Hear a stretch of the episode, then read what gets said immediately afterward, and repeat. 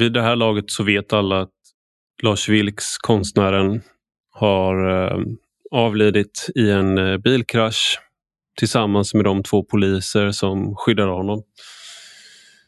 Jag eh, har skrivit en text om det på min eh, publikation Rak Höger som det här är en del av, den här podcasten. Um, jag blev ärligt talat väldigt illa berörd av, eh, av händelsen men också av det efterspel vi nu ser där eh, en del människor som inte uttryckte något stöd att tala om för honom eller för hans konst när han levde nu vill sjunga med änglarna eh, när det inte kostar någonting. Jag tycker också att det är talande att en del reaktioner som har kommit på den texten jag skrev har varit så kraftiga mot mig. Eh, och det, för det jag skriver i texten är att många är rädda. Jag skriver om ett skuggkalifat i, i den här texten och att rondellhunden visade vilka vi var, så att säga. Det var snarare än att vara visa vilka muslimer är eller vad islam är så visar det att vi är så rädda för islam och för eh, extremister eh, att vi inte vågar ställa ut rondellhunden. Inga institutioner, han blev utställd en gång tror jag, från 2007 när han ritade den eh, till, till sin död. Eh, och han kunde inte ens besöka vanliga utställningar. Om de fick nys om det sa de att, de, att han inte var välkommen. Han blev personen non grata i, i bokstavligt talat i, i det offentliga Sverige. Men då reaktionerna på när jag skriver det här att den här spegeln han höll upp mot oss med sitt konstverk. Eh, där vi såg oss själva i det och vi gillade inte vad vi såg. Vi såg rädda människor som skyler över vår rädsla med fina ord om tolerans och respekt och att vi, att vi är medvetna om vår position och liknande. Eh, när det i själva verket handlar just om rädsla för att utsättas för våld. Eh, men då har det kommit reaktioner från Annika Strandell till exempel som är riksdagsledamot för Socialdemokraterna och tidigare minister. Nils Par Petersen eh, som är riksdagsledamot för Centerpartiet och Ali Esbati som är riksdagsledamot för Vänsterpartiet. Alltså den, och, de, och även Anna Ekström då, som är vår skolminister. De är mer arga på mig så att säga för att jag skriver det här än för att den här rädslan som, har spritt, som, som finns i samhället. Så de är mer upprörda över det än så att säga hotet mot yttrandefriheten, hotet mot den konstnärliga friheten eh, och friheten överlag. Eh, för vad har vi för frihet om man inte vågar använda den i realiteten? Om man måste leva som Lars Vilks gjorde eller som eh, Kurt Westergård som var en av dem som gjorde Muhammed-karikatyrerna i Jyllandsposten som till sin död också levde med personskydd på samma sätt. Då, då har vi inte en, en reell frihet längre i så fall.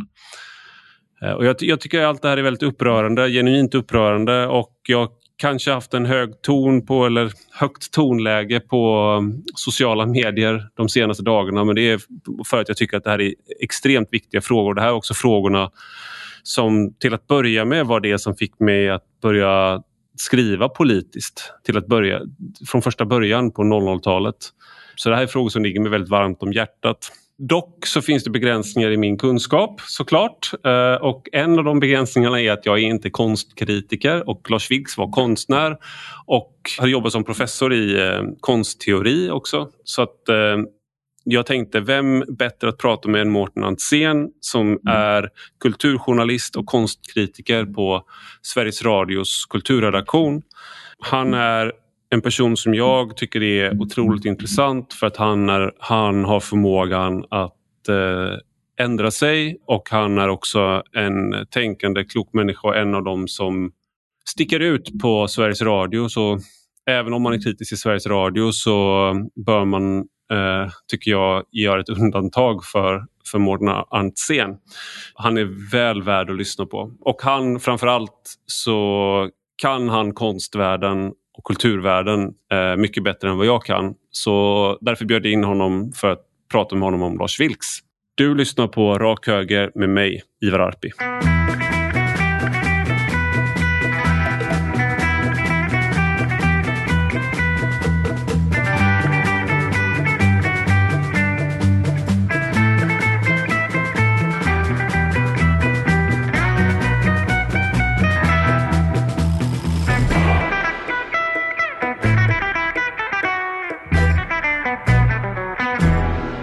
Välkommen Mårten Ansén till Rak Höger. Tack. Du, bara, vi ska ju prata om Lars Vilks och Konst-Sverige och Kultursverige och sådär. Men eh, jag tänkte också att man kunde börja med så här, eh, att presentera dig eh, för den som inte vet det och din eh, för du har, ju, du, har ju du har ju varit eh, mångårig eh, kulturjournalist och konstkritiker på Sveriges Radios kulturredaktion. Och du var också jag vet inte exakt hur många år ska jag erkänna, men eh, fler år än få år. Eh, och, eh, och du var också, liksom, du, du har ändrat din uppfattning om Lars Vilks. Men jag tänkte du kan väl berätta liksom om ja, hur länge har du jobbat där och, och sen och liksom, så här, hur, din, hur din syn på Lars Vilks och på framförallt kanske rondellhunden då, har förändrats över tid. Mm. Eh, jag har jobbat på eh, Sveriges Radios kulturredaktion av och till sedan eh, mitt första sommarvik eh, 1994. Sen eh, så blir man ju inte anställd på Sveriges Radio på en gång så att eh, jag hann med en sväng på SVT och jobbade på ett program som äldre lyssnare kanske eh, kan dra sig till minne som heter Nike. Mm. Och sen så eh, var jag även kultur, eller rättare sagt konstredaktör på eh, Expressen eh, i nio år. Mm. Och eh, det var under de åren som Lars Vilks ritade sina rondellhundar och försökte visa dem mm. på den där hembygdsgården i Tellerud i Värmland. Och allt det där exploderade. Och då tyckte jag att det han hade gjort var lättköpt. Mm. Ett par år tidigare bara så hade vi haft den danska karikatyrkrisen som ju var en internationell um, det, var, det var väl den första liksom, stora bildkrisen av det slaget. Mm. Uh, och, och, det han gjorde var ju, var ju rätt snarlikt. Uh, han riktade sig mot muslimer uh, och kränkte en, en helig symbol och sådär. Uh, så att han kunde jag tyckte att han, han gjorde någonting, han kunde liksom räkna med, med, eh, med att det skulle ta hus i helvete. Just eh, och sen förstod jag inte riktigt eh, jag förstod inte riktigt vad han ville uppnå med det och jag tyckte, att, jag tyckte väl att det var onödigt. Han bidrog till, till en polarisering som samhället ändå var på väg mot. Så. Just det. Och det här var ju, eh, du har varit konstkritiker längre än, än jag eh, har varit könsmogen, höll jag på att säga. Nej, men jag, eh, jag bodde i Danmark, när, jag har sagt det här säkert många gånger, men jag, jag, jag ber om ursäkt till alla lyssnare i så fall för att jag, inte, jag har inte fler livserfarenheter än den jag har. Men jag bodde i Danmark då när Mohammed-karikatyrerna ritades och hela den krisen kom. Och jag tyckte också, om jag inte minns fel, att det var... Alltså jag tror att jag, jag, som jag minns det så försvarade jag yttrandefriheten i diskussioner med danskar och danska muslimer som jag kände om man gick på samma fester och allt sånt där. Eh, men jag tyckte det var onödigt. Så det var liksom min ingång och eh, sen har jag liksom successivt ändrat mig också. Men vad var det som... För du skrev för, nu är det fyra år sedan, då var det liksom tio års... Eh, ja, jubileum är väl kanske fel ord, men då hade det gått tio år sedan 2017, då hade det gått tio år sedan rondellhunden ritades. Och då så skrev du eh, och gjorde en radiokrönika eh, som hade titeln Den svåra konsten att recensera Vilks rondellhund. Där du också liksom ja, du, du, du har ändrat dig genom åren eh, där. Och, eh, kan, kan du förklara liksom vad det är som har, vad det, är du, vad det var du omvärderade och varför? Eh, jag kan bara lägga till en sak där som, som slog mig när, när, du, när du berättade om, om din reaktion där i Danmark. Det, en annan sak som jag vände mig mot då, 2007, och som jag väl fortfarande kan tycka är problematisk, det, det är när man, som många gjorde då, sa att nu måste vi stå upp för Lars Vilks yttrandefrihet och säger man efter, om man har sagt det, och sen säger men, mm. eh, efter det, och börjar problematisera verket, då är man någon form av eh, femtekolonnare. Mm. Och det där tycker jag är en eh, extremt, eh, extremt fel ord i det här sammanhanget, en, en, en väldigt eh, antiintellektuell hållning. Eh, förstör inte det liksom hela det utrymmet som du jobbar i i så fall? Om, ja, alltså, för då finns det bara svart och vitt. Då finns, ja, det, det bara, då finns det bara Twitter, så att säga. Då finns det liksom ingen, ingen analys, ingen liksom kritik. Och kritik, med, kritik så menar jag inte bara negativ kritik utan i det här begrepp, liksom, i bemärkelsen att man diskuterar verkets innebörd och mm. svagheter och styrkor. Mm, precis. Nej, men det, det, man, man, man drar ju undan mattan liksom för, för det som verket i någon mening var avsett att eh, resultera i och skapa, det vill säga diskussion. Eh, för mig så eh, var, om jag ska säga en enskild punkt som, som var viktig i, i min omvändelse eh, så att säga, när det gäller rondellhunden, det, det var Niklas Orenius bok mm. som, kom, som kom 2016. Och det som framförallt fick mig att tänka efter eh, när jag läste den boken, det var ju eh, hur, hur en reportagebok. Den beskriver väldigt liksom fullödigt och målande eh, olika situationer som Lars Vilks hamnar i och där eh, han blir en sorts persona non grata, alltså utfryst mm. eh, i, i, konst och kulturlivet. Eh, bland annat någon vernissage på på, han, han tänker gå på, Kulturhuset och, men, men då när de får höra det då ser de till att meddela honom att han inte är välkommen. Mm. Eh, och eh, detta är då en öppen vernissage som inte kräver någon inbjudan. Men, så, så hela Sverige var välkomna men inte Lars Vilks dit. Just det. Eh, och det där, eh, det där är ju svårt. Det, det är ju, alltså, framförallt så, så visar det ju att eh, Lars Vilks själv hade Alltså det var ju någonting viktigt han pekade på med, med, med de här teckningarna från första början. Nu var ju hembygdsgården i Tellerud inget högoktanigt konstsammanhang men det var ju först och främst konstvärlden han riktade eh, sig mot. Det var ju det, det, var det han ville testa. Är det, kan jag göra det här? Är mm. det möjligt? Konstvärlden eh, berömmer sig själv om att vara eh, närmast gränslöst tolerant och eh, förmögen, alltså kapabel att hantera provokationer och sånt där. Och det, det är någonting som ofta liksom lyfts upp. Det, det är närmast ett positivt värdeord när man talar om konst historiskt. Mm. Om den var provokativ eller, eller chockade borgarna och sådär. Och den självbilden har man fortfarande men den är i huvudsak falsk. Tyvärr. Och det visade eh, Lars Vilks rondellhunds projekt mm. med all önskvärd tydlighet. Alltså, eh, det, det är nästan... Alltså, det, det, det finns en eh, historisk elegans över att eh, Moderna Museets chef idag, när vi spelar in det här, eh, går ut i Sydsvenskan och säger att de inte tänker köpa in den här, de här teckningarna till museets samlingar. Och I det här fallet kan man inte ens skylla på att hon är en eh, feg svensk utan eh, Gitte Örsko är ju faktiskt dansk. Så ja, precis. För, fördomen om eh, frimodiga och modiga danskar. Eh, ja, den faller lite. Den faller lite men, där i alla fall. Men, men hon, hon representerar framförallt Moderna Museet. Mm. Moderna Museet internationellt och historiskt är en institution som man förknippar med väldigt mycket med Eh, det öppna konstbegrepp som eh, tog form på 60-talet. Mm. Och som uh, Lars Vilks rondellhundsprojekt och egentligen alla hans, hans större projekt, även Nimis, är en väldigt tydlig arvtagare till. Mm. Men här tar det stopp.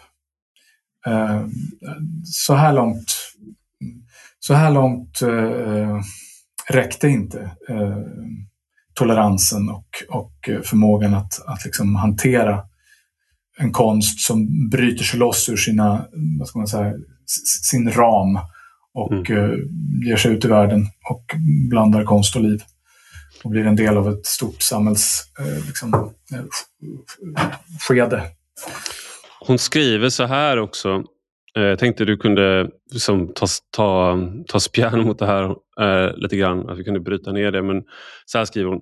Att konst testar gränser, skapar debatt och provocerar är inte nytt. Jämfört med andra provokationer som Andres Serranos Piss Christ, Mauricio Catalans La Nona Ora eller till och med Christoph Schlingensiefs Foreigners Out eh, saknar det också en mer sofistikerad form eller uttryck, alltså rondellhunden gör det. Eh, och Det där är ju liksom en, någonting som du efterlyste då när du gjorde din eh, radiokrönika för fyra år sedan. Det var ju en, för då var motiveringen för eh, Moderna Museets chef, som tidigare chef nu då, att eh, det var ett, eftersom det var ett processverk så eh, var det för tidigt att ta in den. Och då så kunde man, nu är verket avslutat då eh, i och med att Lars Vilks är avliden. Men det där är ju en estetisk recension så att säga. Det, här, det finns inget, inget sofistikerat med det här verket. Vad tänker du om det om man jämför med de verken som, som hon tar upp där? Eh, alltså, Rondellhundsprojektet är ett viktigt eh, konstverk. Det, det, tror jag är obestridligt idag. Eh, men det är ju inte fläckfritt. Mm. Eh, I en mening så, så, alltså, så kan jag uppfatta det som, som auktoritärt och då menar jag inte att det sparkar neråt eh, som, som många tycker. Utan eh, i den meningen att man kan inte ställa sig utanför det. Alltså man ställs mm. inför ett material som är oöverblickbart och eh, ganska formlöst. Eh, eftersom, ja du vet, eh, eh, du vet det som vi alla vet numera eh, på grund av rondellhunden, att mm. den inbegriper också alla sina, sina reaktioner. Mm. Eh, och, och, där någonstans så sätts ju omdömet ur spel. Men det är ju inte det här verket ensamt om. Eh, och eh, Gitta Örskos eh, omdöme om det, alltså hennes ställningstagande till det blir ju också i allra högsta grad en del av verket. Det bekräftar ju den sidan av verket som, som var att peka ut eh, en, en, en gräns för konstvärldens tolerans. Mm. Sen, kan man ju konstatera, ja, sen, nej, alltså, sen kan man ju konstatera att, att äh, två av de exempel hon nämner, Andres Serranos Is Christ och Maurizio Catalans La Nona Ora, det är ju båda konstverk som, som provocerar kristna då i så fall. Mm. Och som äh, jag tror att det är lättare för jag tror att det är lättare för Gitarrsko att, att omnämna dem på ett positivt sätt. Eftersom, eftersom de vänder sig, eftersom de inte slår neråt. Just det. Eh, det vill säga riktar sig mot det man uppfattar, det många uppfattar och det man uppfattar på Moderna Museet tror jag som, som en utsatt grupp i samhället, det vill säga muslimer. Mm. Uh, det här var också en, uh, du, du, skriver det här också på, på din Facebook-sida att uh, man har, det har cirkulerat reproduktioner av Lars Vilks tecknade Judesugga då, som är liksom en antisemitisk eh, eh karikatyr kan man säga. Den finns även eh, för den som är intresserad så kan man gå in i Uppsala domkyrka och se en judesugga som finns på en av pelarna där. Och eh, det, det, finns liksom en, en, en, en, historia där som är... Ja, konceptet med judesuggan som är en, en, det är en medeltida antisemitisk mm. eh, bildtradition. Och då, det, är ju, det är ju att Alltså det, det, det, är inte bara själva grisen som, som man brukar visa då utan eh, normalt sett så är det ju också judar som mm. diar den här suggan. Just det. Så det, den är ju liksom kränkande på lite på samma vis som, som eh, att avbilda profeten Muhammed som hund. Det vill säga att man, man kopplar tydligt då eh, religionen eller de, en folkgrupp till, till eh, den symbol som, som, man, som den själv uppfattar som väldigt lågt stående. Liksom. Just det. Ja. Och, och, men då har man har cirkulerat den och sagt att ah, skulle ni, tycker ni att man ska visa upp den här på Moderna, moderna museet också då i så fall? Um, och hur, hur, svarar du på det? Alltså, och hur ser du på den så att säga, utmaningen som cirkulerar? Alltså för det första så, så tycker jag att det är självklart att skulle man göra en utställning över mm, Lars Vilks rondellhund som processverk, eh, då skulle den där ljudsuggan definitivt vara med. Därför att den ritade han som ett direkt svar på en utmaning som han fick av en journalist i Svenska Dagbladet som tyckte att det här var ju att, det här var ju att slå neråt. Eh, skulle du våga rita en judesugga?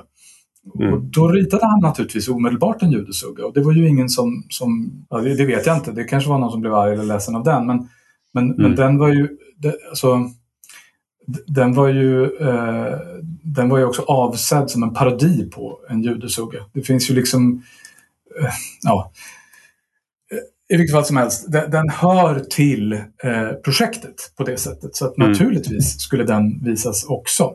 Det som är intressant är ju att de här personerna då som, som delar, eller har delat judesuggan bilden, alltså Lars Vilks teckning eh, mm. i sociala medier tillsammans med den här retoriska frågan. De ser uppenbarligen inte själva några problem med att dela den bilden. Eh, Medan de eh, inte, så vitt jag vet, del, samtidigt då delar rondellhunden. Det betyder mm. ju att, eh, eh, att, det måste man ju då tolka som att rondellhunden i någon mening är värre än, än judesuggan. Mm. Samtidigt som, som den retoriska poängen är då att ja, men om, om vi släpper in rondellhunden, då måste vi ta det här också. Mm. Saken är den att jag ser inga som helst problem med något utav dem.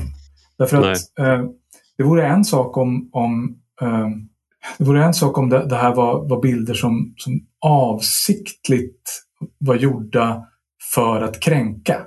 Eh, då tycker jag att det är relevant att åtminstone ha en ganska ordentlig diskussion innan man visar dem. Och, och hur ska man rama in det och så vidare.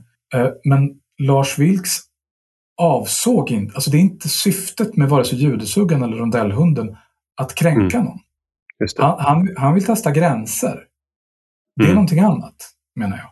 Det här är också, jag tänker att det finns ju, det är många som, jag har också sett att folk, folk som har svarat mig i sociala medier där man har lagt ut en bild på Lars Vilks så här, på en hund eller på en gris eller något sånt där och sagt att ah, är, är, är du okej okay med det här då? Är du okej okay med det här då? Eh, och jag är liksom på det stora hela okej okay med ganska mycket och jag tycker man ska kunna utforska saker men det är ju skillnad också. Det är väl det här som är svårt för, för när man själv är, äh, lever, så att säga, känner sig ganska sekulär. Att du pratar om en specifik verkligt existerande människa och du lägger ut en bild till exempel på någon som precis har dött och hånar den personen. Eller att du använder olika symboler och utforskar dem. Liksom i, om, det kan, om det är religiöst, politiskt. Alltså det, det är skillnad på till exempel att nu idag lägga ut en bild på eh, Stefan Löfven eh, i någon liksom kränkande position. Det skulle vara annorlunda än att göra det med eh, Oscar den andra. Liksom. Alltså det, det jag menar inte att man inte kan göra det men det finns, liksom, kontexten betyder någonting i de här, i de här eh, frågorna. Liksom att enda anledningen till att man gör de här grejerna med Lars Vilks nu och lägger ut sådana bilder det är ju för att man då vill visa att det här, tycker ni att det här är kränkande? Så där kränkande tycker jag att det är. Men då är det så här, fast jag tycker inte att det är lika kränkande som de... Det, det är ingen som kommer bli liksom leva under dödshot för att de har lagt ut en karikatyr av Lars Vilks. Eh, och Det är väl det som är skillnaden här också. Jag tänkte bara på det här med eh, Gitte Örsko, överintendenten på Moderna Museet, hennes eh, debattartikel i Sydsvenskan. Att en sak som är helt frånvarande i texten är ju hotet från, alltså våldshotet som finns här, alltså rädslan. Hon nämner inte det med ett ord. Nej, och det, så vitt jag minns så gjorde inte hennes företrädare Daniel Birnbaum heller det när han tackade nej till, till eh, donationserbjudandet eh, från Lars Vilks 2015. Um, ehm, och, och, det där är ju otroligt speciellt och intressant. Eh, jag vet faktiskt inte varför uh, som, som, som den här... Alltså det, det är nästan så att, som att frågan är tabu. De, alltså de, de säger inte, hon säger inte ens att det här det här är en irrelevant fråga. Hon nämner det överhuvudtaget inte.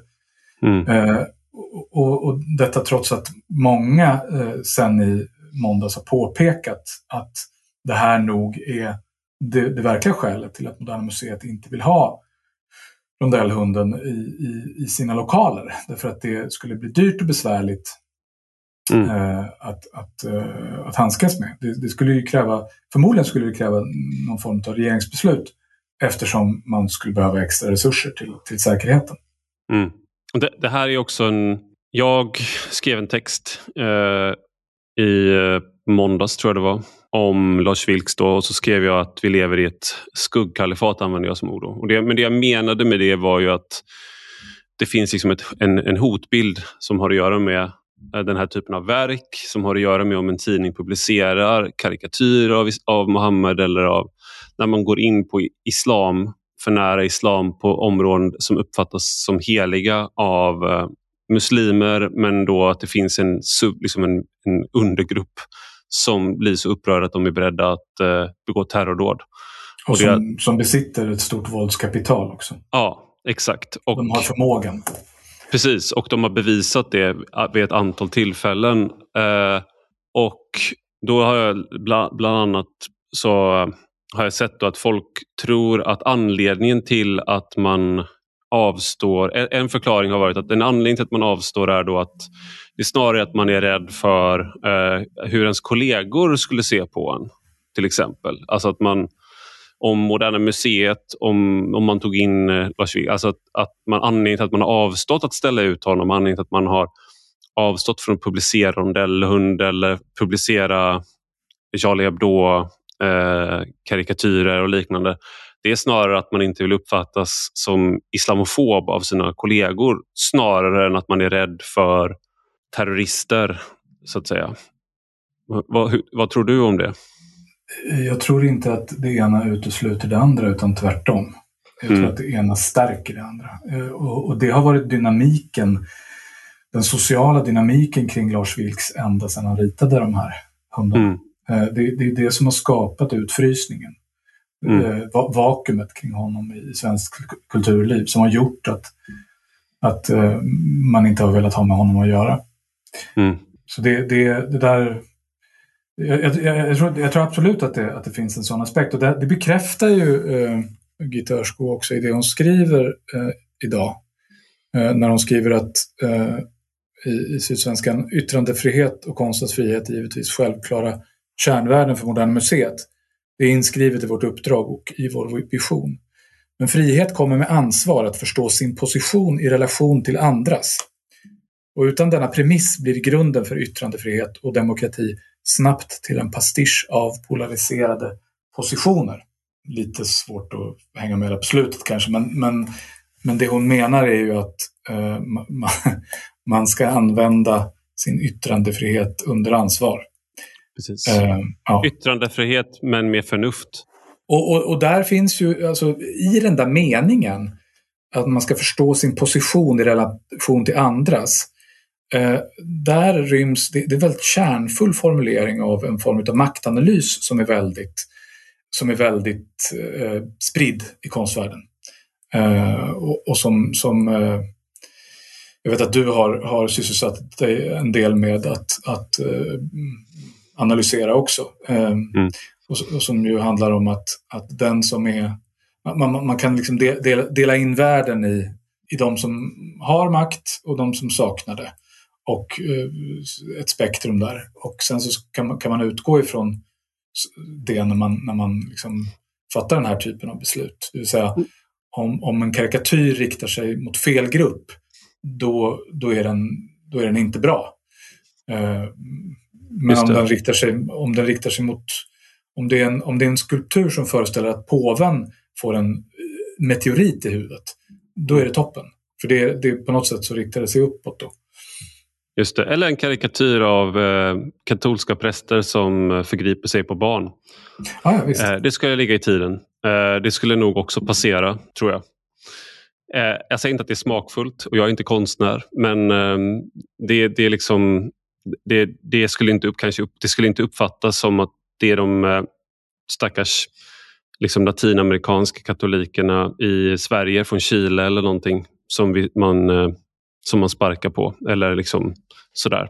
Eh, det skulle inte fatta, uppfatta liksom att de polska byggarbetarna vi har här, det är inte de man sparkar på så att säga. Utan det skulle uppfattas som maktkritik snarare.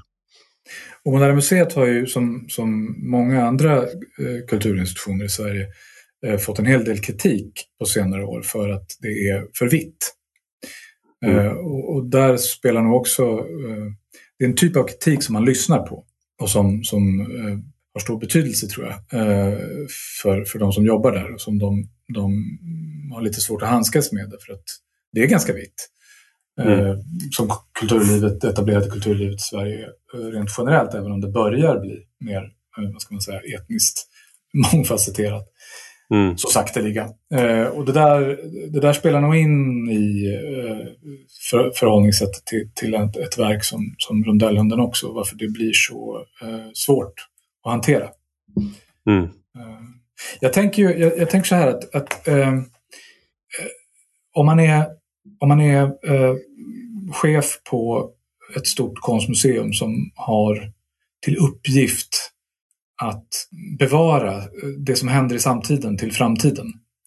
Eh, då måste man på något sätt eh, försöka hålla sig med, med någon sorts ödmjukhet när det gäller också ens, ens egna uppfattningar och ens egen tids dominerande uppfattningar. Mm. Jag tänker till exempel att Ehrensvärds eh, eh, karikatyr, du vet, du har sett den där där han vad är det han heter, som, som hjälper, Gustav, hjälper en Gustav, Gustav III att, att göra barn. Eh, och då, då står han och håller om honom bakifrån och så sticker hans jättepenis ut mellan Gustav IIIs ben. Och så ligger drottningen liksom utfläkt eh, och väntar på att ta emot det här. Eh, den uppfattades nog inte heller som, som ett storartat konstverk eh, på 1700-talet. Nej. Eh, men, men jag, är, jag är rätt glad att den finns i, i Nationalmuseums samlingar idag. Ja, precis. Det, det, och det där gäller ju... Det finns ju många för, för, liksom, äh, verk som idag kanske inte provocerar men som i sin tid var otroligt provocerande. Och, och alltså en, en, sak jag tänker på i ska jag lämna Eh, Eh, Gitte Örsko, men det är flera saker. jag tycker hon sätter fingret på så många saker i sin text. här. Att det, hon säger bland annat att verket uppmärksammar oss inte heller på något nytt om världen utan cementerar motsättningar som vi tyvärr redan känner till allt för väl. Och det, där, det där tänker jag också på då med liksom, när Lars Vilks gjorde den här liksom, för en hembygdsgård. Låt oss säga att det hade liksom, spelat ut på ett annat sätt. De hade ställt ut det och sen gått vidare med livet. Hade det här hänt Nej, utan det är liksom det blev ju, det växte ju när de ställde, de ställde in och eh, då Nerikes Allehanda publicerade Rondellhunden och skrev om det. Alltså det, det, blev ju någonting som direkt som Lars Vilks tappade kontroll över så att säga. Eh, och då är så här, han, han, visste att det var provocerande men jag tror inte att han visste att till skillnad från Mohammed-karikatyrerna där då bakgrunden var att man ville ha man hade svårt att hitta eh, tecknare till en barnbok som skulle handla om Mohammed. Ehm, och Det var någonting som man då man hade, man hade problem med det och då bestämde man sig för att ha en karikatyrtävling i Jyllandsposten som en kommentar till det. Och det var så det liksom, så det var, den, det var en känslighet som man kommenterade med hjälp av karikatyrerna. Men där var det från början då när man publicerade Jyllandsposten, där var det de som, public, de, de som var med där, Kurt Westergård och, som var en av de som målade den mest kända karikatyren där Muhammed har en, en turban med eh, en stubin i så att man kan tänka att det är en bomb. Och Flemming Rose som var eh, väl eh, eh, chefredaktör då. De visste ju att det här ska publiceras men Lars Vilks visste ju inte det. Så där tänker jag också så här, vad tänker du om det hon säger då att det här bara cementerar motsättningar och det lär oss ingenting nytt? Jag tänker att hon är helt eh, blind för sin egen position. Hon pratar själv om positioner och hur vi eh, ska förstå våra positioner i relation till andras. Men, men det här vittnar ju om att hon är helt blind för sin egen därför att ett, eh, ett mycket vanligt, eh, mycket vanlig kritikerglosa det är ju blottlägga. Och eh, är det något enskilt konstverk som blottlagt gränsen för yttrandefriheten i konstvärlden, mm. gränsen för vad man får säga och göra, och, och, och, och hur den är sammansatt, då är det det här verket. Så det, det, har definitivt under de här åren sedan 2007 eh, visat, åtminstone för mig, saker som jag inte såg tidigare. Mm. Jag tänker det här, jag eh, lyssnar på en, eh, en podcast med eh, Dominic West och Tom Holland som heter The Rest is History som jag verkligen rekommenderar. Det är en rolig en podd som är av personer som är väldigt duktiga på historia och jag har eh, skrivit väldigt många böcker om historia och, eh, men de är också lätta att lyssna på. Det blir roliga poddar. Eh, och Tom Holland skrev en bok som heter In the shadow of the sword tror jag det hette och det handlade då om den historiska personen Mohammed och Koranens tillblivelse. Och de har även spelat in ett poddavsnitt om det här som heter Mohammed. Och det är väldigt tydligt att det är ett område Alltså det här är inte något som har varit med i debatten nu någonting men att det här är liksom, det här är också, nu är det tio år sedan tror jag, eller sju år sedan eller någonting. Men Tom Holland blev utsatt för hot. Det blev liksom, han gjorde en dokumentär om det också. Den blev, att det var extremt mycket kritik. Han blev väldigt hårt åtgången och anledningen var ju att medan vi vana då inom en västerländsk kontext under, sen, sedan en lång tid att du undersöker eh, den historiska eh, Jesus, vem var det? Och sätter honom i en historisk kontext. Liksom, hur många påstod att de var Guds son under den här perioden? Liksom? Ja, det visar sig att Jesus var bara en i raden av personer. Liksom. Så man utforskar kristendomen från, en, ett, från ett historiskt perspektiv, ett vetenskapligt perspektiv. Eh, det gör man inte, har man inte gjort i den muslimska världen, så när man då ska göra det som västerlänning på samma sätt, använder samma perspektiv, så blir det fort farligt för de som gör det. De som utmanar då bilden av Koranen som, eh, som av Gud. Eh, alltså det var ju ärkeängeln Gabriel som reciterade för Mohammed och sen skrevs det inte ner av Mohammed själv men han återgav det till sin, eh, sin fru som skrev ner det. Och det finns väldigt många, liksom, det finns väldigt mycket att diskutera både kring vem var Mohammed, i vilken kontext verkade han, vad stämmer i hela det här förloppet. Men den kritiska granskningen är väldigt svår att göra. Och det här tänker jag liksom, när man då pratar om, eh, när man inte nämner den här eh, bakgrunden när man pratar om de här sakerna. Man kan inte göra satir, vi kan inte utforska det vetenskapligt. Alltså det är ju en, det lägger en väldigt Eh, Eh, sätter väldigt tydliga gränser för vad du får granska kritiskt så att säga. Och det jag tänker då är liksom, tror du att någon, för en liten utvikning där, men tror du att någon kommer följa i Lars Vilks eh, fotspår nu så att säga? Kommer det, och, eller hur, hur kommer liksom arvet efter Lars Vilks se ut? För just nu så är det väldigt många som hyllar honom till exempel. Mm. Jo, det är många som hyllar honom men, men eh, den, liksom, den, den tyngsta och viktigaste institutionen i eh, Sverige, det vill säga Moderna Museet, tackar nej. Mm. Eh, och deklarerar tydligt att de tänker inte förvärva de här verken. Och om institutionerna inte eh, bär upp och skyddar yttrandefriheten så tror jag att det spelar inte så stor roll eh, vad vi som enskilda personer gör. Inte ens, inte ens vad alltså, enskilda personer med, med, med, med mycket pondus och, och som många lyssnar på eh, gör mm.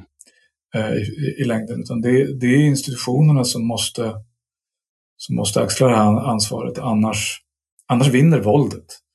Eh, mm. Jag har väldigt svårt att tänka mig att, jag menar jag skulle definitivt inte göra det eh, Lars Vilks eh, gjorde.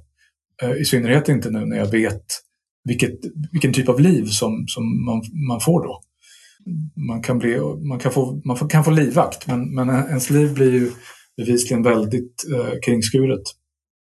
Han hade inga småbarn som... Eh, liksom, eh, alltså det, det är ju, och det är fler än han så att säga. Jag menar, Ayaan Hirsi Ali kommer aldrig kunna leva ett normalt liv. Eh, och eh, Kurt Westergård levde inte ett normalt liv innan han, han dog nyligen. Men och, eh, liksom, de som kanske har sett Säpo vid några tillfällen, när de, eller haft vakter, jag har haft liksom personskydd eh, vid ett par tillfällen. Eh, och då är det liksom en, en person eller någon person som säkrar lokaler. Eh, som är, man, de, om det är Säpo så har de liksom, eh, vapen på sig, men det kan vara en pistol. Liksom. Eh, man, man, de checkar av, liksom, sitter i närheten och sådär. När Lars Vilks eh, kom till en plats så kom eh, hans två livvakter. De hade automatvapen på ryggen. De hade väskor med automatvapen. De var rustade för att klara en eldstrid och vinna en eldstrid. Det är liksom den nivån på säkerhet som man ser liksom statsministern har till exempel. Lars Vilks låg många, han hade liksom i princip ett militärt skydd vid alla tillfällen. Och den bilen han körde liksom var ju ett, som en som en liten fästning ett som fort. åkte runt. Ja, ett fort. Och det, det, det, det säger någonting om det, det, det, säger någonting om, om, graden av hot som man uppfattade att han, han hade mot sig. men jag tänkte... Äh, äh, ja, ja och, och, inte bara, och, och, inte bara det vill jag skjuta in. Alltså det, det är ju naturligtvis det värsta och det som, det som är mest vad ska man säga, eh, avtändande. Eller som, som, som nog är mest avgörande för, för att människor inte ska vilja rita den här typen av teckningar eller göra den här typen, bedriva den här typen av religionskritik. Utan det är dessutom så, eh, som vi har konstaterat, att eh, du kommer ju inte få något... Det är ju ingen som kommer gilla dig heller. Förutom Nej. möjligen eh, en, en viss grupp av högermänniskor. Mm. Eh, politiskt, liksom. Där kommer du bli hyllad. Eh, mm. men, men kulturvärlden och konstvärlden, de kommer ta, ta sin hand ifrån dig. Eh, och jag menar, medierna är ju inte heller särskilt... Vi med vår oerhörda liksom, svansföring när det gäller yttrandefriheten och sådär. Democracy dies in darkness, eller vad är, det, vad är det New York Times har, eller Washington ja, Post kanske. Hur många ja. är det som har publicerat bilden av rondellhunden nu? Så mm. Jag vet att Expressen gjorde det, men, men eh, det var inte många andra. Ja, precis. Jag, jag jobbade på eh, Svenska Dagbladet. Nu är jag bara krönikör, men då var jag på redaktionen eh, när Charlie Hebdo skedde. Mm. Um, och jag sa att jag tyckte vi borde publicera i solidaritet. Jag skrev en debattartikel i uh, en annan tidning. Um, och uh, Det var, gjorde man ju inte. Och uh, Man hittar olika sätt att göra det på. För det är skillnad till exempel att, att publicera en bild där någon håller i en tidning än att publicera den själv. Alltså att, att tapetsera med den. Sådär. Ehm, och Det här är också så att någonstans kan jag också tycka då att institutionerna Lars Vilks var, eh, ibland framställs han som, och det här finns också en sån där Rondellhunden är ju ful. Alltså för, för mig, det här är ju min Eh, eh jag är ju en eh, inte konstvetare eh, och eh, liksom sådär, jag uppskattar en, del konst men jag tycker liksom att den är ju inte snygg. Alltså, såhär, jag skulle inte vilja ha rondellhunden av så estetiska skäl på väggen. Och då har folk ibland haft uppfattningen om att han kunde inte bättre. Ja, men han, han ritade ju några ytterligare rondellhundar för att mm. visa att han kunde bättre sen. Eh, det var ganska länge sedan. Alltså det var ju typ 2008 eller något där. Ja. Eh, som, som han gjorde mer, liksom, eh, tyd, inte, inte så impressionistiskt och inte, inte liksom med den här darriga linjen utan mer ordentligt. Och på senare år så har han ju ägnat sig åt, alltså, eh, också för att det kanske var det enda han kunde göra, men han har ju, han har ju målat eh, väldigt så föreställande, ordentligt föreställande eh, mål, målningar med, med alltså mycket porträtt och sådär som han har sålt tror jag, för att få mm. upp lite pengar.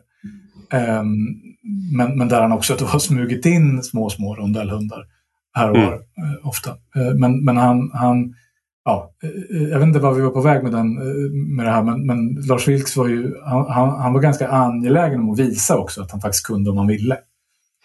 Precis, och det, det är väl det som är eh, ibland eh, min, eh, min Alltså om man tar en person som en person som Nina Hemmingsson till exempel som är en helt annat, men hennes serie, serieruta som har en karaktäristisk, kar, karaktäristisk stil. Då tror folk ibland liksom att, ja, men då kan, alltså, att de inte kan på ett annat sätt. Men om man sett andra saker så vet man det. Samma med Stina Wirsén till exempel som är en fantastisk konstnär. Liksom, men om du kollar på då eh, Vem-böckerna så kan ju vissa tro liksom att det där är, det, det, det är inte en vald stil. Alltså jag vet inte. Men en annan sak då med Lars Vilks, jag har, jag har inte hunnit läsa den här boken inför samtalet för jag fick den idag. Men han, han skrev ju böcker också. Eh, bland annat Den institutionella konstteorin, Konstnärlig kvalitet, Den internationella samtidskonsten, Art heter boken. Då, som kom eh, 2011. Och han var ju liksom inte bara konstnär utan också professor i konstteori och doktorerade vid Lunds universitet och jobbade sex år Eh, mellan 97 och 2003 på Konsthögskolan i Bergen. Så det var ju liksom inte en...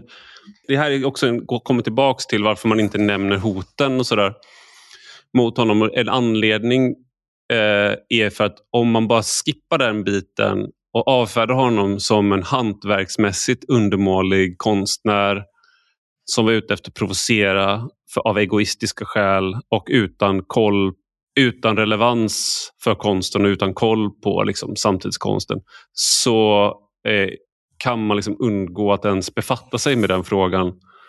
Eh. Ja, och då har, man, då har man ju fel. Det enda man visar är ju sin egen okunskap. Ja. Sen undrar jag en sån här rent konstmässig fråga och det är liksom hur det här kanske, jag, jag, jag har sagt det till fler, jag har, aldrig fått, jag har inte fått så många reaktioner så det kan vara att jag är korkad bara. Men om, han, om någon säger att man avbildar någon, en person ingen har sett och som inte får avbildas. Hur vet man att det är den personen som avbildas? Alltså om, jag om han säger att han har avbildat profeten Muhammed, hur vet man att det är profeten Muhammed? Om det inte finns en ikon, liksom en, alltså om du gör det med Jesus då kan du gå tillbaka och se liksom att det finns en, en eh, historiska avbildningar som du kan anknyta till till exempel. Men om jag, om jag ritar på en papper och säger att det här är profeten Muhammed, är det inte i sig då så att säga och han är blasfemisk då enligt det sättet att se på det. Men är man inte i sig blasfemisk om man faktiskt ge, äh, ger den teckningen den legitimiteten som man gör då? Eh, det är ett filosofiskt intressant resonemang som eh, möjligen tror att Al-Qaida inte... Eh, Jag har, nu är inte Al-Qaida här och kan försvara sig, eller vad säger man? inte skulle uppfattas som relevant. Eh, för att jag tror att det är själva... Alltså, det är fräckheten att uh, säga sig göra det som, som naturligtvis är, ja. är, är det som, som, som är uh, brottet. Liksom. Mm. Uh, sen så, så, tror jag att det är en missuppfattning att, att det inte finns någon ikonografi alls mm. kring, kring Mohammed. För att inom shia-islam till exempel så finns det inget förbud att avbilda mm. honom. utan det, och där, jag menar, Iran kan man ju se då avbildningar av Mohammed, men de är ju alltid jag menar, kitschiga liksom, på samma sätt som, som många Jesus-avbildningar. Det är liksom mm. mycket mascara och sådär. Mm.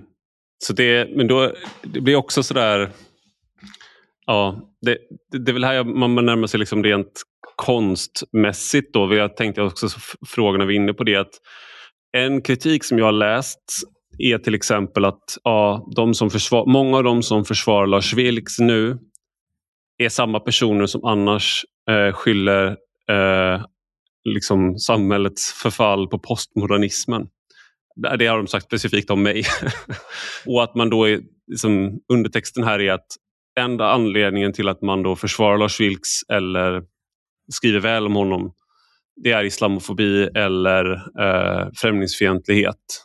Mm. Eh, och nå någonstans så tror jag att det kan finnas en, en sån aspekt där för att han, alltså såklart att man, eh, inte att det är främlingsfientlighet eller islamofobi men att man, han blev ju känd för människor som inte är så särskilt intresserade av att gå på Moderna Museet i vanliga fall.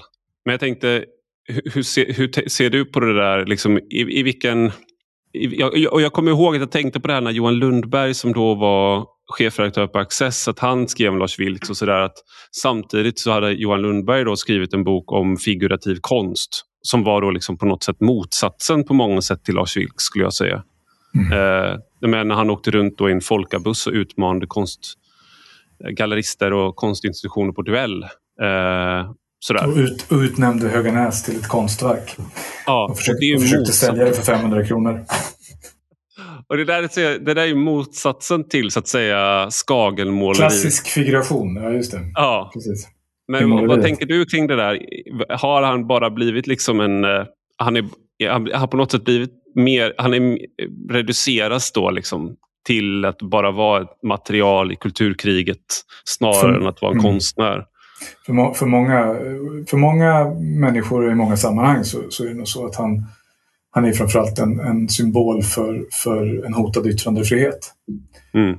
Det var väl också lite grann så jag upplevde honom i, i, eh, under de första åren. Alltså, eh, inte honom utan eh, rondellhunden och rondellhundprojektet. Att det blev ett redskap från en viss sida i kulturkriget. Och att han lät det ske utan att eh, säga ifrån så att säga. Mm. Eh, det var ju det som, som eh, som han, han har fått kritik för. Och där så, så alltså jag har väl kommit att uppskatta hans vad ska man säga, dagliga eller ständiga kamp att försöka förhålla sig neutral i det kriget. Mm. Eh, för det tror jag var också förutsättningen för att rondellhundsprojektet skulle bli någonting annat än jag vet inte, blir någonting annat än, än just ett redskap för den ena eller andra sidan. Mm. Får jag läsa ett, ett favoritcitat? Ja. Uh, ur en bok som heter Hur fri är konsten? Den nya kulturstriden och liberalismens kris. Av en tysk konstkritiker som heter Hanno Raus, Raut, Rautenberg som kom för mm. några år sedan. Jag tog med mig den in hit för jag kände, jag kände liksom att den hade med det här att göra. Den, den fick lite uppmärksamhet för, för ett par år sedan. Mm. Uh, han skriver bland annat på ett ställe så här. En konst som ger upp sitt privilegium om absolut ansvarslöshet löper oförhappandes risken att sociala eller politiska intressen missbrukar den som kampmedel. Om den sviker sitt anspråk på autonomi blir den i sin tur sviken. Den gamla överenskommelsen att den är fri och oantastlig och inte skyldig att avlägga räkenskap för någon bryts. Och det där är, tror jag, precis vad Lars Vilks försökte eh, upprätthålla, eh, den, den oantastligheten. Eh, jag ska inte säga att han alltid lyckades, men det, det var hans ambition. Och den, den, eh, eh den är hedervärd. Jag tänker på den här eh, filmen The Square av Ruben Östlund som är en av eh, liksom de senare årens större filmupplevelser för mig. Jag skrattade jättemycket. Men där är det ju en scen där, där man just visar, vad ska man säga, både gränserna kanske för performance men också liksom, vad är verkligt, vad är inte verkligt i konst. Men det är en, omslaget tror jag är också från det här. Det är en eh, Eh, konstnär då som är en apa och, går, och liksom imiterar en apa som går in på en fin middag med liksom, så här, konstvärldens stora namn eh, och kulturpersonligheter. Och eh, är extremt, han är en apa liksom, och beter sig som en apa och är hotfull och skrämmer bort en, en av dem så han ger sig av och sen så börjar han, påbörjar han liksom en våldtäkt på en av dem som är där. Och då hamnar filmkameran i, ur hans perspektiv när då till slut så griper eh, middagsgästerna in och eh, vad, vad det verkar slår ihjäl honom. Eh, och jag tänker på Lars Vilks där lite grann. Han är apan, med, för, om man bortser då från våldtäkten kanske. Eller om man tolkar våldtäkten som rondellhunden. Men det är liksom den här när, det blir, när konsten blir, kommer för nära inpå, när det finns en gräns för konsten, när det är den ansvarslösheten att man, man kan tåla och att man vill vara fin. Konsten ska vara fin och man ska liksom, den ska vara liksom upphöjd och eh, samtidigt som den ska vara fri och liksom provokativ och sådär utmana. Men när den verkligen gör det så kan det också vara väldigt eh, omtumlande och eh, det är inte alltid så behagligt. Nej. Amatör, min amatörmässiga filmanalys och konstanalys av. Det där, det där är ju den bästa scenen i den filmen. Eh, ja. Den är ju liksom ja, eh, klassisk eh, redan. Um, nej men alltså, så är det ju. Och det, men det är ju det där vi hela tiden pratar om. Och, alltså nu har ju konsten andra sidor och aspekter också än, än, än, att vara provokativ och, och utmana oss. Mm. Men, men det där är ju en väldigt viktig del utav eh, eh, förståelsen av den moderna konsten. Eh, och det gäller ju alla konstarter. Liksom. Men, men det är ju väldigt sällan det händer på riktigt. Att, att vi blir så utmanade. Och jag tänker också att det finns, idag finns det liksom en, det var en annan sak som Rondellhundsprojektet blottlade då. Eh, det, det, är ju att det har, att det har uppstått liksom en en konflikt mellan konstlivets, alltså två väldigt liksom, viktiga värden inom konstlivet. Där, där det ena då är friheten och det andra är vad man skulle kunna säga, kalla för, eh, jag vet inte, eh, godheten. Eller, alltså, där man vill stå på de svagas sida och, och sparka uppåt och allt det där. Mm. Eh, här uppstår plötsligt en, en, en tydlig konflikt mellan de två värdena eh, som, som blir svårhanterad. Men det är också väldigt tydligt vilket, vilken av de här värdena som, som väger tyngst. Friheten? Eh, nej. nej. Just det, eh, inte den. den. Den var inte så viktig. Men det är väl också man vill vara man vill vara, eh, vara fri men man vill inte vara tappa sin status. Alltså det, det är ju liksom hela tiden man beröm, det är lite som... Eh, det är väl det här jag tänkte så själv med, med rondellhunden. Att eh, den ställde upp en spegel mot, mot oss och visade vilka vi var, mer än Lars, vem Lars Vilks var. Och Oh, ja. Vi gillade inte vad vi såg. Och därför blir vi så jävla förbannad på honom. Ta bort hans Mm. personskydd som Teppas Fågelberg och lägg ut stormningen av hans hus på Youtube. Mm. Den texten är i sig ett, en, en, en av de bästa delarna av konstverket så att säga. Eh, men, men det, det där var liksom, det- den, den ilskan, det är liksom... Jag kommer att tänka också på en annan film, Festen, där eh, liksom sonen, det är 60-årskalas, sonen ska hålla tal till sin far han ska, och så säger inleder han, liksom, ställer sig upp och säger jag, jag skriver två tal. Eh, och så det ena talet är den klassiska hyllningen av pappan liksom, och tack för allt. Och liksom, så det andra talet är sanningen. Då. Och Det handlar ju om att han, pappan har förgripit sig på sonen och att mamman visste om det och att många gästerna där då är liksom på något sätt att det blir en, allting blir en lögn. Och det blir liksom ett... Eh, han förstör liksom hel, he, alltihop. Liksom, Han pajar festen. Han, paj, han pajar verkligen festen och det blir också, han pajar självbilden hos människor där. För det är ju det som är grejen. att det Han hotar ju inte bara liksom, det är ju inte bara en stark berättelse utan han hotar ju också bilden av vem är jag som har har jag vetat om det här? Har jag liksom låtit det här ske? Och så, så man deltar i en charad. Men då, drar, då släpar ju hans bror och två andra ut honom och binder honom runt ett träd och slår honom. och det är liksom, det, Den impulsen är så mänsklig. Liksom. Eh, att man, det, det, det är reaktionen när man ställs inför, eh, inför sidor hos sig själv som man gör väldigt mycket för att dölja. Och Det, det gäller ju samhällelig nivå också. Släppa ut den jäveln. Liksom. Lägg ut det på Youtube. Liksom. Så, så, så jag, jag håller fast honom så slår du honom. Liksom. Det, är den, det är liksom den, och det, det var så tydligt i vissa av texterna som kom under en period. Eh, att det var så folk kände. Liksom. Eh, jag vet inte var vi kommer, men sen tänker jag en annan Jag, sak. jag, jag, jag, ja, förlåt. jag tänker på Winterbergs senaste film. Eh, en runda till heter den på svenska. Just det. Ja, konst. Kulturlivet kanske skulle behöva lite mer av en runda till och lite mindre av festen om man säger så. Just det. Och där, det, där är det väl lärare, eller han, Mads Mikkelsen Ja, de- spelar huvudrollen som han är lärare och livet är tråkigt, le, eleverna lyssnar inte. Och så kommer de, De, på de att... är i eh, medelåldern. ja, Allting är grått. Och, och så hittar de en teori som, som säger att alltså det är någon sån här vansinnig, mm, inte vet jag, eh, teoretiker som, som hävdar att eh, människan föds med en halv promilles för lite alkohol i blodet. Man borde hela tiden vara lite småfull. För, för då blir allting bättre. Och då testar de det. Och Mm. det här ballar ju ur naturligtvis. Det, det går åt helvete för eh, åtminstone en av dem blir ju, blir ju, alltså faller, trillar ju dit och tar livet av sig. Och sådär. Ja. Men, men samtidigt så är ju liksom den slutscenen, alltså det handlar ju om frihet. Mm. Eh, de, blir fri, de blir friare människor av, av det här. Och slutscenen är då, då, då kastar sig huvudpersonen eh, ut i, i, över, liksom, ut i hamnen, i havet. Och det, det är en scen som, som är, det där är direkt taget alltså, eh, från en oerhört liksom, berömd eh, konsthistorisk bild eh, av Yves Klein. En performance där han, eh, jag tror att den heter Leap into the void eller någonting sånt där. Han kastar sig ut från ett hustak.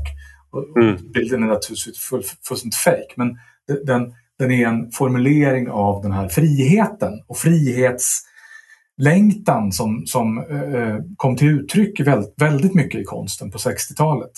Mm. Och faktiskt också är just den tradition som Lars Vilks verkar i. Eh, Mm. Och som Moderna Museet har sina rötter i. Eh, så att, eh, ja.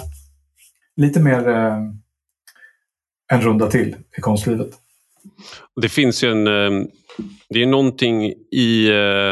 Alltså det går, nu tänker jag på Kierkegaard också, som det är liksom tro att, att det finns ett sånt ideal som går tillbaka filosofiskt också i att du ska, ta, du ska våga, våga tro, våga liksom eh, chansa. Och, samma, det finns ju den här konsekvensneutral journalistik. Alltså det, är, det är liknande tank, alltså det är liknande konflikter. Att du ska liksom publish and be damned, alltså inom tidningsvärlden, att man, att, man ska, att man ska tänka så. Så gör man aldrig det. Men det är en tanke som finns där och de som gör det eh, är ofta då eh, anses som omoraliska till exempel. Eh, de som verkligen lever efter det. Eh, och sa, samma då med en sån person som... Det, det är väl också det här jag tänkte fråga dig om med, med Lars Vilks och med eh, vad är konstnären för figur idag? För jag tänker att det finns ju en... Vi är inte vana kanske att tänka på eh, i religiösa termer i samma utsträckning som då man är i till exempel i den muslimska världen där man tolkar saker i en religiös kontext mycket, mycket mer. Men på, på vissa sätt så är ju liksom en, en, en, om man, en konstnär är ju lik en religiös figur. Alltså en, en eh, helig eh, idiot eller liksom någon som eh, är på något sätt står i för, förbund med liksom, eh, högre krafter men också är oberäknelig på olika sätt. Alltså det, det är liksom en arketyp som återfinns religiöst och just därför då att man då ska göra att det finns ett sanningssökande, ansvarslöst sanningssökande som man tillåter vissa, en viss kategori människor men inte andra. Och eh, Att konstnären har den och det där är väl liksom en, en position som inte kanske tillåts i samma utsträckning i en genomreligiös kontext för att då gör du ju anspråk på någonting som inte är till för dig. Du kan inte göra det anspråket. Så att det finns en konflikt där också. Jag vet inte hur du tänker på, på det. Nej, jag tänker väl att det, det utrymmet har ju, tror jag, krympt eh, också i eh, konstvärlden. Att, att, vara, att vara den där eh, figuren eh, i takt med att också ett konstliv. Och det, det är ett annat arv eh, från 60-talet faktiskt eh, som, som sticker iväg åt ett helt annat håll. Eh, det finns en, en motsägelse i det där. Att eh, samtidigt som, som man då skulle göra, alltså formulerade grunderna för den här öppna konsten och, och det var lek och, och, man hoppade i, i kuddrum på, på Moderna Museet och sådär. Um, och gick ut och demonstrerade med Bob Hope på plakaten och sånt i, i New mm. York. Mm. Uh, och gjorde vansinniga happenings. Liksom. Mm. Samtidigt så, så uh, var ju detta en tid för ett, för ett starkt uh, politiskt engagemang i konsten. Vänsterpolitiskt framförallt. Eh, och det där har ju överlevt också och det, det sätter sin prägel på konstlivet idag i ganska eh, i mycket högre utsträckning skulle jag säga än den här frihetssträvan.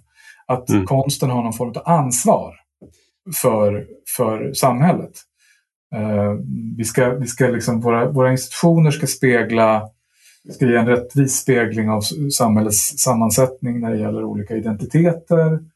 Och eh, konsten ska, ska helst behandla angelägna frågor och gärna på rätt sätt. Och, mm. och, där, I det där rummet så har det blivit, upplever jag det som, alltså, allt mer kvavt. Och min vad ska man säga, omvärdering av rondellhunden, den hänger nog ärligt talat också ihop med en, en förändrad eh, upplevelse av hur konstvärlden eller alltså en upplevelse av hur konstvärlden förändras, rättare sagt. Och just det där att det har blivit, det, det har blivit liksom, ja, saker och ting har blivit allt mer förutsägbara och allt mer, vad ska man säga, bevakade och ofria. Mm. Ehm, och, och, därmed har också relevansen för eh, Lars Vilks rondellhundsprojekt eh, ökat. Man skulle väl ändå kunna säga liksom att ena sidan, vänstersidan eller den eh vad man nu vill kalla det, har vunnit den kulturkriget om institutionerna.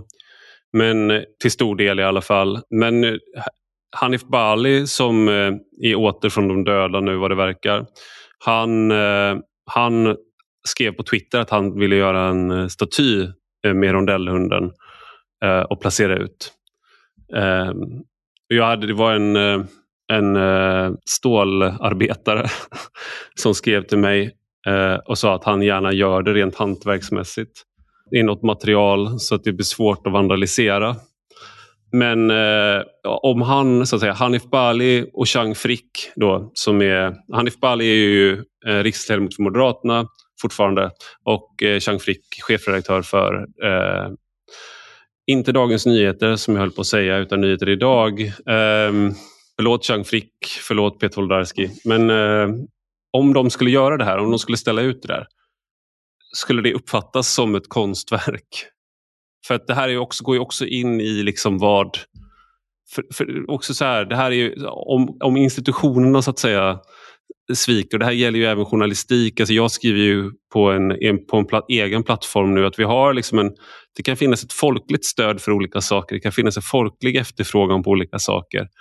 Eh, men konst är lite speciellt i att det krävs liksom ofta att det erkänns som konst för att det ska betraktas som konst. Så skulle liksom en rondellhund, så att säga, det skulle det kunna uppfattas som en, ett konstverk om det görs liksom helt eh, utanför institutionerna?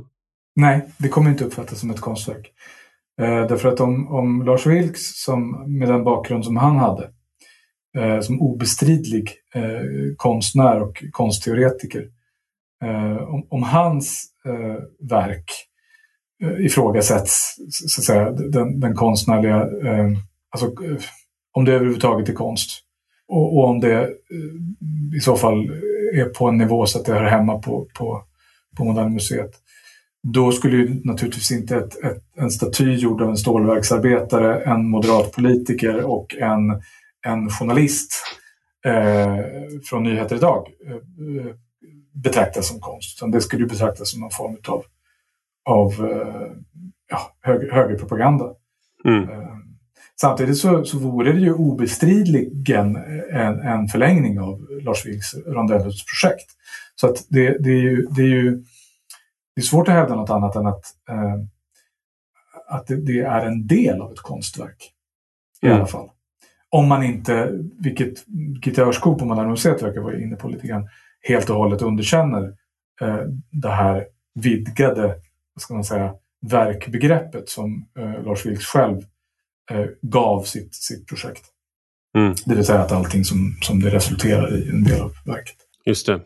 Ja, nej, jag tror inte heller att det skulle betraktas som det, lika lite som statyn av eh, Joakim eh, Lamotte utanför LO, med en dammsugare utanför LO-borgen betraktades som, som konst. Det, det, är intressant dock för att det, det sätter fingret på så här, vem är konstnär. Det är lite som det här med att all, alla, nästan all, eller väldigt många killar tror att de skulle nog lyckas som stand-up-komiker. Det ligger liksom i det manliga övermodet kanske. Men i alla fall att man... Om man nej, jag tror att jag har sagt det vid något svagt ögonblick. Jag kanske var full eller någonting. Min fru sa nej, det skulle du inte. Bara liksom helt, det var bara självklart, det kom direkt, det var så spontant från henne. Så att jag kände direkt att alla, liksom, till och med när jag var full så var det liksom, nej okej. Okay. Eh, men men eh, eh, stand-up-komiker har liksom en liknande roll, att du kan säga saker om du är stand-up-komiker. Du kan stå, du kan stå liksom säga med, liksom, bara säga politiska saker rakt av. Utan, utan humor. Men du är standup-komiker. Alltså, inramningen är att det är komik, alltså stand-up-komedi. Så då är det eh, på något sätt en, en viss genre. Och om, men om det liksom är någon annan som gör det då kommer inte folk skratta utan då kan det tvärtom vara något helt annat. Och det, det är något liknande med konst. Att det, är så här, ja, det, här, det här är basala saker för alla som håller på med konst men jag, jag tycker att de här frågorna är väldigt svåra att förstå och förstå. Liksom, jag tänker på det att man har om Hanif Bali, Jean Frick, om de hittar en konstnär, Makord Linde till exempel. Jag, alltså jag har ingen kontakt med Makord. Precis, för då har han liksom gjort vissa saker. Eh, så han är utbildad på Konstfack. Alltså, det, här är ju, det är ju institutionella det är ju institutionerna som allting hänger på som vanligt. Så mm. Det är institutionella kriterier. Man ska mm. ha en utbildning på en, på en konstskola, helst konsthögskola. Man ska mm. ha en viss verksamhet. Alltså man, ska, man, man, kan inte bara liksom utbilda sig och sen börja jobba på posten och, och så är man konstnär. Liksom. Man ska, eh, alltså, det, det är det som skapar en konstnär och en konstnär gör konst. Mm. Det, det, det, är inte så mycket svårare än så. Sen måste också konstvärlden eh, uppfatta det som, som konst. Eh, och, eh, alltså, om Lars Vilks skulle ha varit här istället för jag, eh, för mig, mm. då, då, han hade förklarat det här mycket bättre. Men, men det, det är i grund och botten ganska enkelt. Eh, mm. Enligt det institutionella konstbegrepp som Lars Vilks var, var en av eh, åtminstone det är det, här, den här boken jag inte har läst, den handlar, den handlar ju om just det här. Så att jag borde ha läst den här boken innan vi hade den ja. här podden, men jag hann inte. Nej, jag förstår. Nej, fortsätt. Nej, men alltså eh, det, det, är, det är inte så komplicerat egentligen.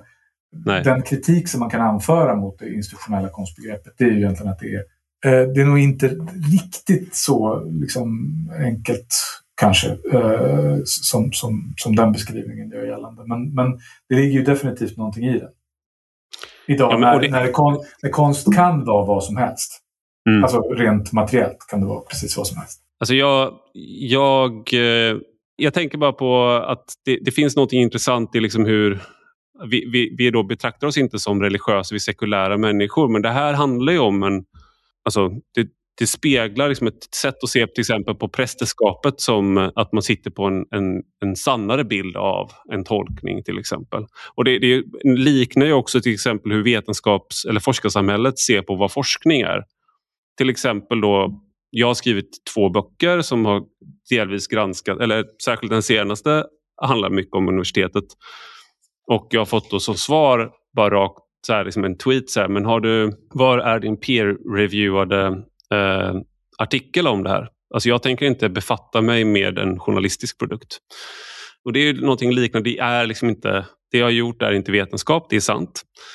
Och då be behöver man inte befatta sig med det. Och Det är liksom någonting liknande med det här med då en staty som kommer sättas upp av en rondellhund till exempel. Ja, men det görs inte av en konstnär. Den är inte peer-reviewad. Det är inte en peer-reviewad artikel man, är liksom, man håller sig borta från det här. Och det har jag även fått det som att jag är inte utbildad på Journalisthögskolan så därför kan inte det, det, inte, det gäller inte i lika stor utsträckning. Man har inte alls samma, eh, den yrkestiteln är inte alls lika skyddad. Men det finns också sådana tendenser att man vill då eh, skydda liksom, så att säga. Det måste produceras av människor som har gått igenom vissa, passerat vissa nålsögon. Och när du väl har gjort det, då kan du kalla det du gör för någonting. Eh, även om du gör exakt på exakt samma sätt eh, slutprodukten ser, ungefär, ser likadan ut så är det inte konst, det är inte vetenskap eller det är inte journalistik. För att du har inte passerat de här vad ska man säga, kvalitetsstämplarna eller institutionerna.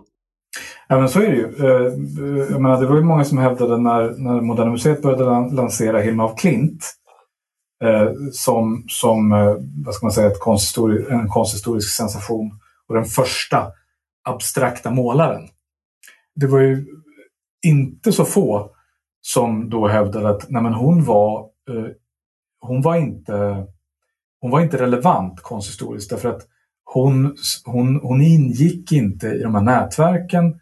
Hon påverkade inte sin samtid. Hon ställde inte ut sina abstrakta verk.